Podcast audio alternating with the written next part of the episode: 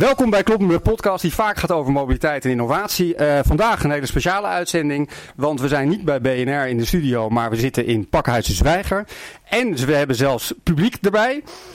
Ja, laaiend enthousiast, dat merk ik. Het is echt niet te geloven.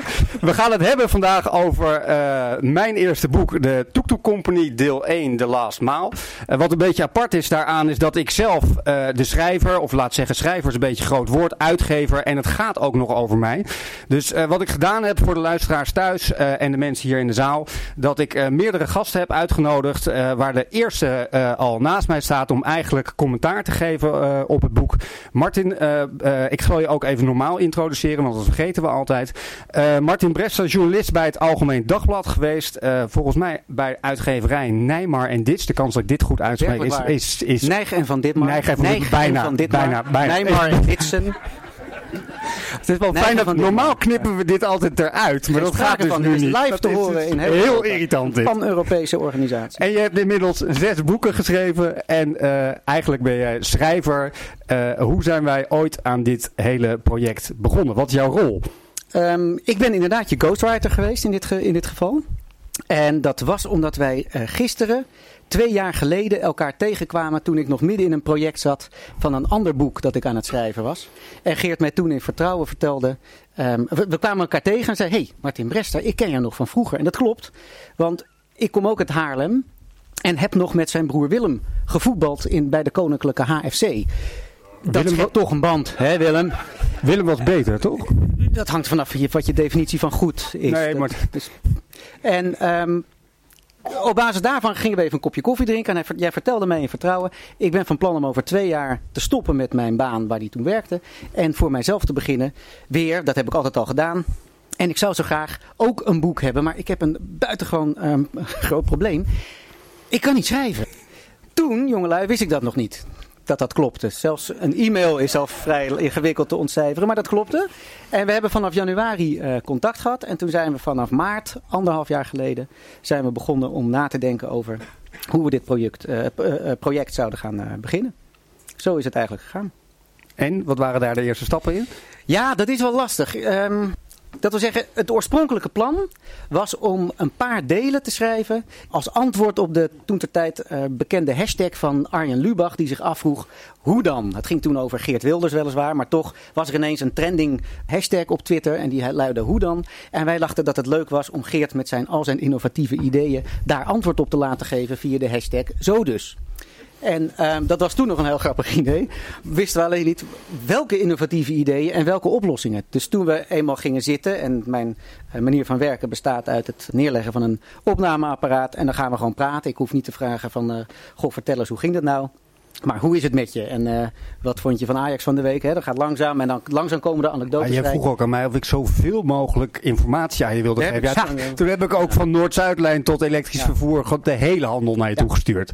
En uh, nou, laat ik het zo kort mogelijk houden. Ik voelde mij een beetje als een kandidaat van de Ted de Braak 1, 2, 3 show. Ik weet niet of jullie die nog kunnen herinneren van lang geleden. Daar stonden kandidaten op een gegeven moment bij het eindspel onder een... Uh, een ding. En dan kwam er een soort, ja, een soort zuurstok kwam er naar beneden. Op het moment dat je tjing boem hoorde. En als hij hem ving, dan kreeg hij de prijs die dat was. Nou, Geert had een ander spelletje. Die had een schutting gemaakt. En die liet mij hier zo rennen.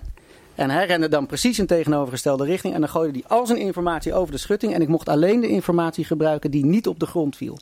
En uh, ja, dat was, best, ja, dat was best wel lastig. Maar dat was heel veel. Met uh, andere uh, woorden, we hebben ingegrepen na een, een maand of zes, zeven. En gezegd, wat jij me allemaal verteld hebt is zoveel omvattend. Ik denk dat het verstandig is om het af te bakenen in uh, je werk. En um, anekdotes die over één onderwerp gaan bij elkaar te houden. Want anders wordt het gewoon één grote warboel. En dat is de reden dat het wat langer heeft geduurd. En dat is de reden dat we het niet het boek hashtag zo dus, maar in eerste instantie maar eentje ja. gewoon doen. En ja. je was ook heel enthousiast bij een idee om het dan zelf uit te gaan geven. Buitengewoon slim plan, want dat is, zoals je weet, als je rijk wil worden moet je in de boeken gaan zitten natuurlijk. Dat is, uh, hè, als daar ergens geld in te verdienen is, is het wel in de uitgeverij. Nee, dat is ook heel erg ingewikkeld geweest. Um, we hebben gekeken naar een, een um, hij is ondernemer, dus hij wilde een verdienmodel. Um, en dacht, ja. als ik naar een uitgever ga, dan krijg je bijna altijd standaard een contract waar de, de auteur 10% van de verkoopprijs in de winkel krijgt. We spelen even dat het boek twee tientjes zou kosten. Dan gaat er dus van elk verkocht boek 2 euro naar Geert. Daar gaat ook 2 euro naar de uitgever. En dan gaat er van die, dat is die eh, andere 10%. En die andere 80, daarvan gaan er 50% naar de boekhandel.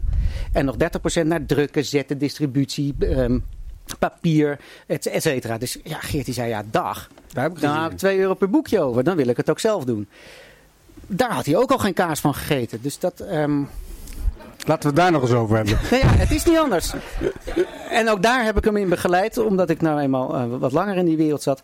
En ehm, toen wilden we het ook nog op een lollige manier vormgeven. Dus niet alleen maar een boek van A tot Z, dat maar doortettert. Nee, er moesten ook plaatjes en kadertjes en een soort, soort, soort magazine wilden we ervan maken. En eh godzijdank heb ik ehm, ontzettend goede eh, contacten overgehouden uit mijn vorige loopbaan. En ik heb eh, Mariska Schotman, die art director en vormgeefster is, bereid gevonden om dit vorm te geven. En u zult het straks zien, het is, het is een meesterwerk geworden. En waarbij, hoe heb je het schrijfproces eigenlijk allemaal zelf aangepakt? Want op een gegeven moment zat je met al die rotzooi voor mij en Ja. toen ben je maar eens gaan beginnen. Nee, het is een, eh ghostwriting is een heel ingewikkeld vak. Want ik moet dus wel steeds schrijven. Ik liep over straat. En ehm, ik heb een beetje moeten spelen met de werkelijkheid. Althans met de waarheid. Dat wil niet zeggen dat wat erin staat niet klopt. Maar dat het een soort true fiction is. Het had zo gegaan kunnen, zijn. Ehm, en dan neem ik gewoon alle gesprekken op. Die werk ik helemaal uit. En pas als ik een scène voor me zie waarvan ik denk, nou daar kan ik zijn informatie in kwijt. Dan pas begin ik met schrijven. Want om alleen maar tabellen, statistieken en een marketingboek te schrijven, daar had ik eerlijk gezegd geen zin in. Martin, ontzettend veel dank voor al je... Oh, hebben we nog een soort van last, last Jerry Springer final thought? Nee, helemaal niet. Ik wil je echt van harte feliciteren met het eerste deel. Ja, jij hebt me Ehm, zelf nog niet eens gezien. Ik heb er net even doorheen gebladerd, maar het lijkt net alsof ik het zelf geschreven heb. Dus ja, de ene zin is nog mooier dan de ander. Ehm, we hebben deel 1 inderdaad de Last Mile genoemd. Omdat ehm, er ook nog een tweede deel moet komen. Dat heet The Next Step. Maar ik kan u dat alleen maar vertellen als u het daadwerkelijk gelezen hebt. Dus ik zal nu mijn mond moeten Maar houden. denk je ook echt dat dat deel 2 en deel 3 en deel 4... Want dat was wel serieus nog de bedoeling als je ziet wat er nog allemaal op de plank ligt. Of denk je nou, dat, dat, voordat we dat voor elkaar gaan krijgen... Nou, als ik eerlijk ben, eh, wel ja. Ik zou het in ieder geval heel erg leuk vinden om het tweede deel te schrijven. Al was het maar omdat het zo spannend is. Maar ik ben ook nieuwsgierig naar je visie op de eh, grootstedelijke mobiliteit, zoals we dat maar even zullen noemen. Ik woon in de Pijp hier in Amsterdam. En daar was de afgelopen maanden heel veel ruzie over parkeerplaatsen die weg moesten en allemaal gedoe. Ja, dat zijn precies de onderdelen waar Geert eh, een, eh, een, nou, enig. een, een duidelijke mening over heeft. En als ik, ik was in Portugal afgelopen zomer. En verdomd zeg, in zowel Lissabon als Porto rijden alleen maar elektrische toektoeks. En daar zijn wel mannen die zeggen: hey, wil je voor 40 euro rijd je twee uur rond? Dus het hele model dat jij ooit verzonnen hebt, is daar wel gelukt en hier niet. Dus ik ben ontzettend nieuwsgierig naar je visie op het gebied van vrijwel alles wat met mobiliteit te maken heeft. Dus eh, laten we vooral nog een tweede deel maken. Geef hem een luid applaus. Dankjewel. Eh, dan wil ik iemand naar voren toe vragen die eh, eh, ja, eigenlijk het bedrijf al vanaf het begin af aan kende. Een advocaat die ons heeft geprobeerd te helpen om niet in alle valkuilen te, tegelijkertijd te stappen. Hij werkte toen nog bij Baker McKenzie. Hij is inmiddels oprichter van Venture Laws. En eigenlijk doet hij nu in zijn werk wat hij toen eigenlijk allemaal ongeveer voor zes flessen wijn deed. Graag wil ik het woord geven en op het podium vragen Floristan van het Hek. Hey, dat is natuurlijk de, de hamvraag. Welkom. Eh, Hallo. Wat vond je ervan, van het boek? Eh, mooi, goed, leuk. Heel leuk zelfs om te lezen. Ehm, ik ben het Martin eens dat de verhalen soms ietsje mooier zijn dan de echte feiten waren. Maar het is wel gebeurd. Al die teleurstellingen, die wat mij betreft wel er met kop en schouders bovenuit steken. Al die verrassingen, eh, die waren zoals ze zijn beschreven. En ehm, zo was het. En zo is het, zo is het veel te vaak nog steeds. En eh, wat vond je er dan zeg maar mooi aan? Want jij, jij was sommige delen was je erbij. Nou, ik ken de afloop. Dat scheelt een heleboel. En als het anders afgelopen was, dan had ik niet met zoveel plezier het boek gelezen. Voor mij persoonlijk was het ook een soort walk down memory lane. En ik denk dat iedereen in de zaal wel kan herkennen dat vervelende periodes in je leven, als die goed aflopen, dat je er dan met heel veel plezier op terugkijkt en denkt tegen me, jongens, potverdorie, wat hadden we het toen kloten met elkaar. Maar wat zijn we er mooi uitgekomen. En dat heb ik ook als ik dat boek lees. Ik denk, ja, zo was het. God, wat een ellende hebben we toen geïmporteerd. Nee, het was Ja. gewoon een hele goede kwaliteit. Ja, Dat- wat maakten die dingen een lawaai? Niet Wat stonken ze? Wat waren ze vervuilend? En jij En- maar mailen naar Unilever en allemaal andere mensen. Nee, maar het voldoet wel aan de eisen. Ja, Ja. ja.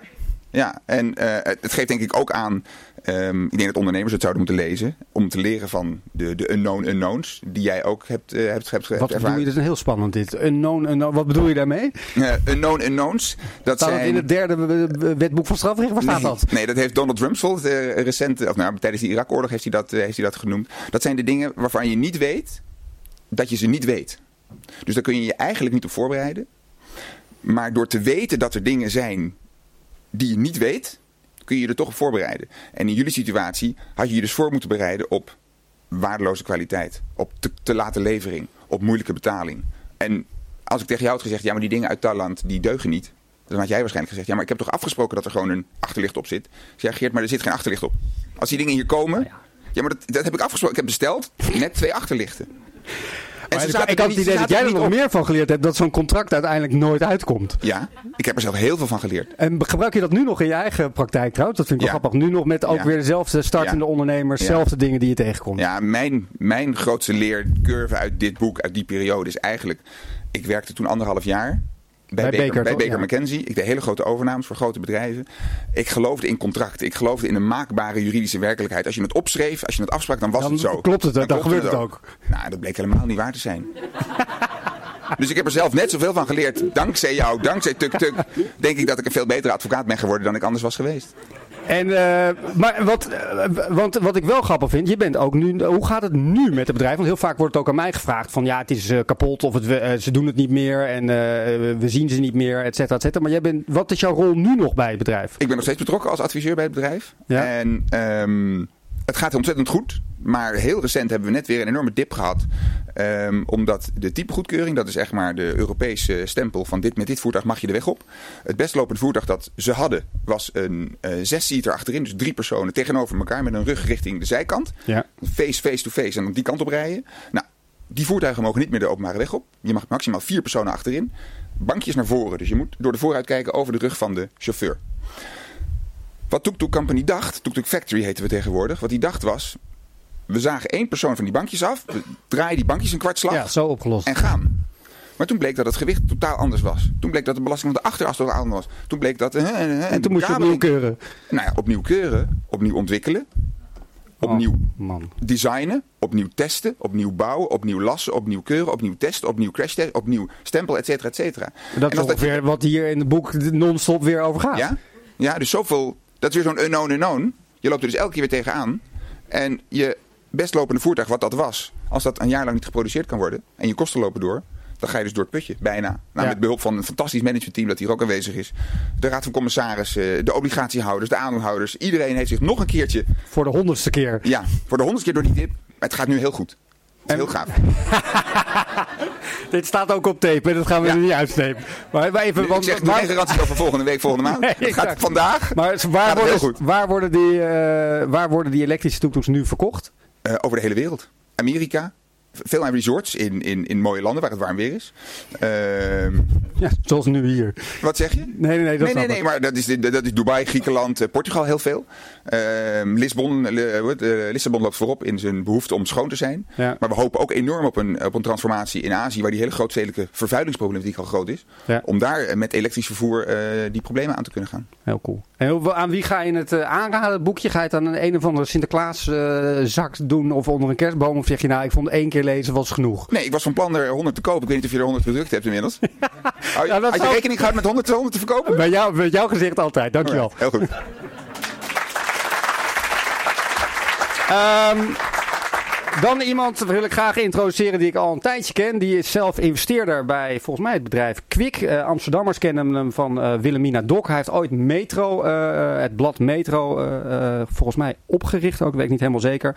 Een ander iets is dat hij oprichter en investeerder is voor het bedrijf Fastnet. En ook een beetje de aanstichter dat ik zelf nu echt die definitieve stap naar het boek gemaakt heeft. Omdat hij zelf een boek heeft geschreven over Fastnet toen der tijd. Graag wil ik naar voren toe roepen Bart Lubbers.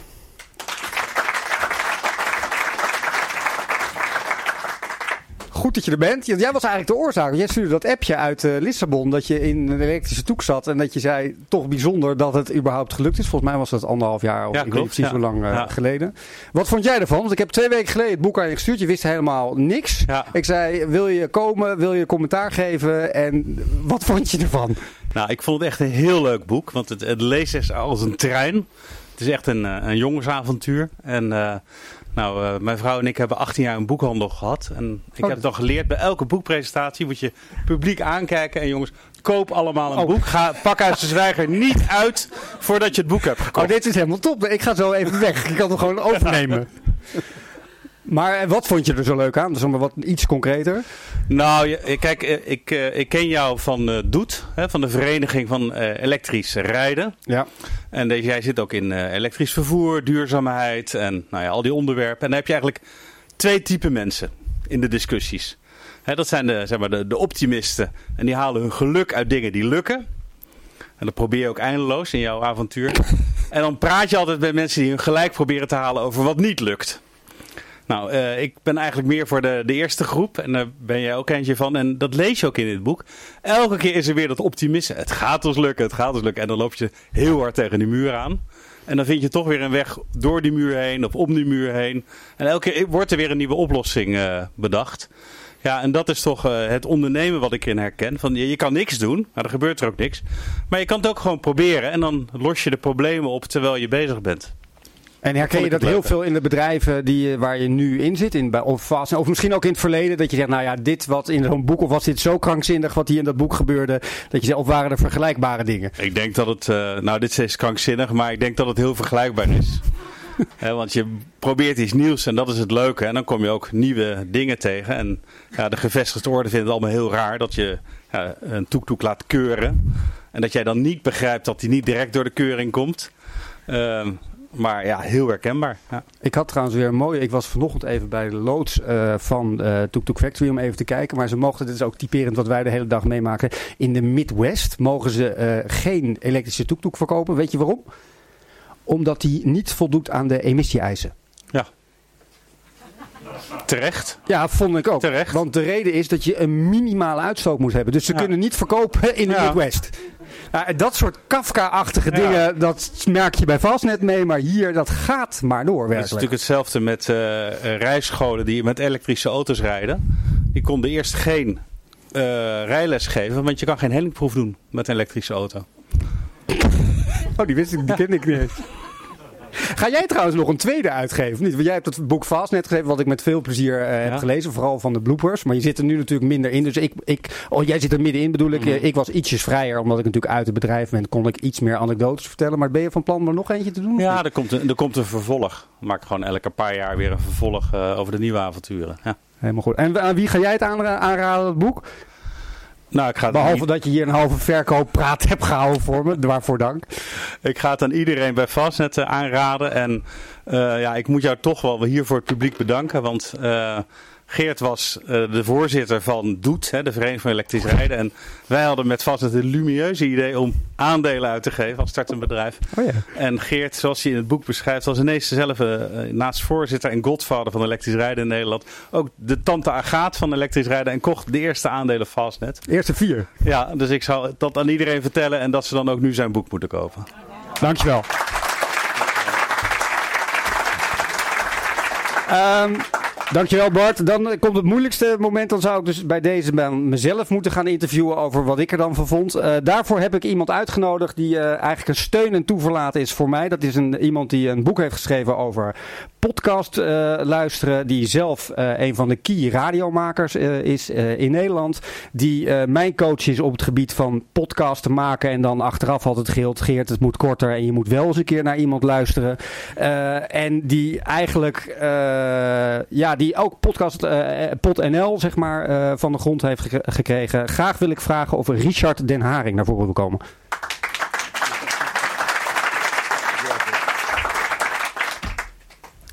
En hoe vond je dat het? Normaal doen we deze, dit altijd deze vraag achteraf. Dus dat doen we nu één keer live. Wat, hoe was het tot nu toe? Nou, ik moet eerlijk zeggen. ehm wat ik goed heb gedaan is je telefoon uitgezet. Ik Ja. niet. Eh, ik heb het gebeld. Heb ik hem ook uit? Ja. Nee, ehm, wat ik erg ehm, goed vond, omdat je het voor het eerst eigenlijk eh, zo doet, is dat je nu wel mensen hebt laten praten. Uh, Fastnet net, uh, Martin, iedereen heeft verteld waarom ze het boek geschreven normaal hebben. Normaal ik er al halverwege doorheen. Ja, normaal uh, doet Geert eigenlijk zijn eigen podcast ook zelf beantwoorden. Dus hij stelt een vraag, vertelt dan een aantal alternatieven die men zou kunnen antwoorden. Eigenlijk moeten. En daarna uh, zie je dus aan de geïnterviewde vaak dat hij dan denkt van nou waarschijnlijk heeft Geert dit bedoeld. Dus die gaat dan een antwoord geven. En in het begin, dat was erg leuk. In het begin toen wij uh, met uh, mijn collega Andy, uh, oh, die arme jongen, en dat voel ik een beetje mee met Martin die het boek schrijft en zoveel informatie. Andy monteert jouw podcast meestal. En op een gegeven moment hebben we tegen Geert gezegd: joh, luister Geert, jij gaat echt betalen per minuut gewoon. jij, hoe langer de ruwe materiaal duurt, hoe meer jij gewoon moet betalen. En wat we deden was dat als er een antwoord werd gegeven van die geïnterviewde, die dacht, nou ja, laat ik dit maar zeggen, want dat zal hij wel willen weten. Dan vroegen we later aan Geert, kun jij die vraag stellen? Dus we zeiden dan ook, we hebben hier een antwoord. En dan knippen we die vraag ervoor. En dan, ja, dan, dan merk je eigenlijk niks van. Het is wel prettig dat dit allemaal een soort van live opgenomen. Hier gaan we dus niet in knippen. Dat is ja, het idee. Ja, ja, dat, Daar ben je blij mee, hè? Jij bent opdrachtgever, jij mag het zeggen. Geert. En dat is bij deze ook de show aan jou. En dan laat ik het voor de rest nu ook uh, in zijn geheel aan jou over. Ja, mooi. Dan pak ik nu de vragen van Geert die ik moet stellen erbij. ja, Geert, wat misschien het publiek, want we weten natuurlijk, we zijn hier voor jouw boek. Maar wat misschien wel interessant te weten is, wat doe je eigenlijk allemaal? Want ik kan me voorstellen dat niemand hier dat precies jij, weet. Nee, dat weet nooit iemand. Nee. Uh, nou ja, eigenlijk wat ik doe is dacht eigenlijk hoe houden we metropoolgebieden duurzaam bereikbaar. Uh, dat is eigenlijk hoe gaan we van A naar B. Dat doe ik eigenlijk als strategisch adviseur bij uh, een aantal kleinere bedrijven zoals Fastnet. Felix help ik heel sporadisch, echt niet, niet superveel. En ik geef strategisch advies aan lokale en nationale overheden in binnen- en buitenland. En uh, tegenwoordig, sinds anderhalf jaar of zo, uh, word ik heel vaak gevraagd voor lezingen en dagvoorzitter. En ik maak podcasts. Nou, daar weet je alles van. Die publiceer ik. En ik schrijf af en toe een essay. En nu eindelijk, wat ik al heel lang wilde, is een soort van serie met korte boekjes schrijven. Dus dat is eigenlijk wat ik doe. Het gaat elke keer over ja, hoe komen we makkelijk en soepel van A naar B. Ja, helder. Ja, eens even kijken. Geert. Je kan ook gewoon ja. vragen stellen hoor, dat is makkelijker. Ja? Ja. Dat je Nee. gewoon het eerste wat je zei toen we elkaar telefonisch aan het dat je zei, nou ik moet me voorbereiden op deze, deze podcast. Jee, dan moet ik weer zo'n heel lang saai verhaal gaan lezen over het doortrekken van de Noord-Zuidlijn. En eigenlijk zei je tegen mij toen we elkaar gisteren aan de telefoon hadden, wat zei je toen? Ja, ik was, ik, was, ik was echt aangenaam verrast. Maar zeker met de nadruk op verrast. Want het boek is echt, en dit is geen verkooppraat. Hè, ik heb geen belang. Maar het boek Jammer. is echt rete leuk om te lezen. En ehm, ik dacht eerlijk, eerlijk gezegd dat je dus inderdaad een soort managementboek. En eh, je kunt lang van, lang van stof zijn. Ehm, wat wel heel erg leuk, met veel humor. Maar ik dacht wel echt van, goh, als dit eh, boekje ook eh, zoveel moet lezen over mobiliteit. Ik had daar Ja, eigenlijk een beetje een saai. En, en dat is denk ik ook naar Martin naar, Ja. compliment ehm, dat gezegd mag worden. Want het leest heerlijk. Het is echt, eh, er zit ehm, veel lering in, maar wel op een hele leuke manier. En het, eh, ja, het leest gewoon heel lekker. Dus dat, eh, dus dat bij deze. Maar wat ik jou wil vragen, waarom heb jij eigenlijk een boek geschreven?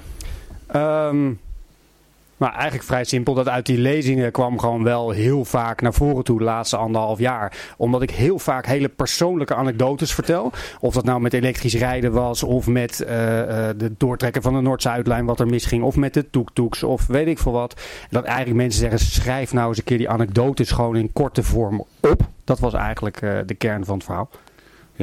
En, en, en een serie, die wilde meerdere maken. Ja, dat was eh, wel en is ook nog steeds de bedoeling. Dat was ook wel de grootste valkuil van ja, waarom zullen we dan met toektoeks eh, beginnen? Dat ik eigenlijk alles in één keer eh, wilde. En dat ik zei van ja, maar dat Dieselgate is ontstaan. En dat snap ik omdat ik de meest vervuilende wagentjes ooit door de Rijksdienst voor Wegverkeer heb gekregen. En ken al die keuringen. Maar ja, dat was wel de, de, denk ik de belangrijkste stap. Dat op een gegeven moment Martin ook zei. En ik zelf ook dacht ja, jongens, laten we nou maar gewoon first things first. Laten we dan gewoon beginnen bij het begin. Bij jeugd, studie en dan de eerste stappen in het ondernemerschap. Dan hebben we tenminste één ding gewoon af. En dan daarna gaan we proberen die andere eh, anekdotes en verhalen in kortere vorm naar voren toe te krijgen. Ja. En, en, waar denk je dan aan als het niet over de tuk-tuks eh, gaat? Nou ja, dat zou wel vrij snel uh, over elektrisch rijden en alle toestanden die we daar hebben uh, meegemaakt van uh, ja, dat is de actieradius, dat die dingen het niet haalden en dat we met loodzuur troep zaten die niet klopte. ja, gewoon echt en dat je letterlijk met de directeur van de RAI en de BOVAG opeens wel in het grote spel als lid van het Formule E-team meedeed over echt de grote autobelasting. Dus ik denk wel dat de tweede echt een snellere stap richting elektrisch zal zijn. Ja, ja. En dat daar misgaat. En Precies. nog een derde of vierde onderwerp? Um, nou ja, de derde zal toch wel vrij snel zijn, denk ik. Uh, we heb, ik heb ooit een hele grote gedragscampagne gedaan om mensen anders te laten rijden. Maar wat, en dat deden we dan echt met de grote werkgevers. Nou het meest lachwekkende was dan dat de directeur Milieu Structon, die kwam dan met zijn auto. De eerste dag ging hij zonder auto rijden. Reed hij met zijn eerste dag met zijn auto onder Utrecht Centraal om daar zijn auto te parkeren. En dan moest hij zijn secretaresse bellen in totale paniek hoe hij door dat hele OV heen moet. Nou, en daar waren werkelijk legio voorbeelden van. Nou ja, dat zijn er, dat zijn er nog veel. Ja, dus die, uh, die kunnen er nog allemaal voorbij gaan komen. Hey, en en voor, voor, voor wie schrijf jij het nu? Wat, wat, dat is heel dom, maar wat is je doelgroep? Um, de, uh, ik word afgeleid door het papiertje. wat staat erop dan? Ja, dat we op moeten schieten.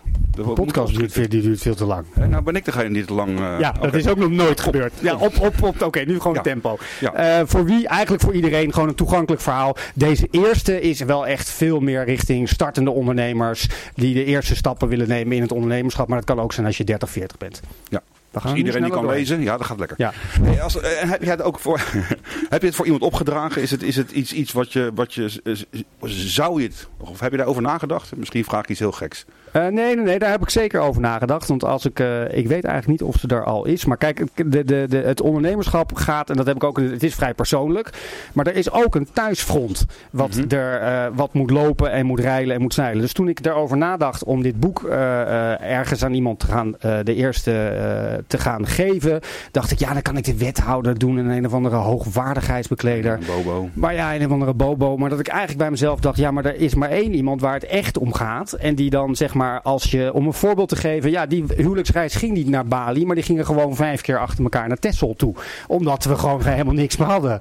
Uh, dat was ook zo dat er volgens mij uh, woensdag liep ik met mijn vrouw Martika over het strand.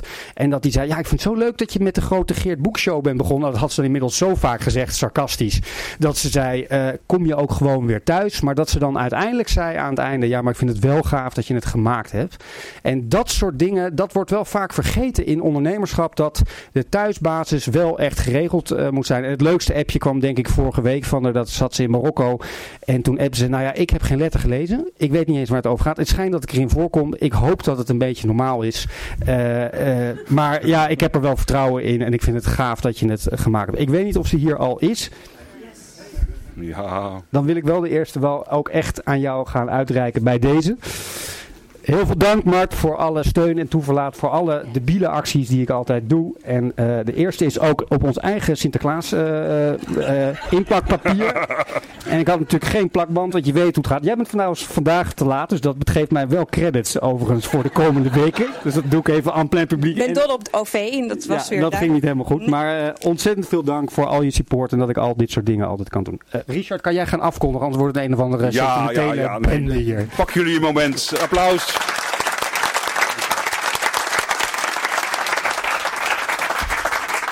Ja, hartelijk bedankt uh, Geert Kloppenburg voor dit gesprek. En, um... We gaan bij deze afsluiten. Ja, en uh, ja, abonneer je via iTunes. Dat is hartstikke spannend, want het is podcast. Hè? Dus jullie weten allemaal dat je kan abonneren. Dat uh, paarse appje wat je op je mobiele, op je iPhone zit, dat is dus allemaal bedoeld voor de podcast. Zoek daar even Kloppenburg op en abonneer. En dan kun je ook alle andere afleveringen luisteren. Bedankt en tot ziens. Dankjewel Richard.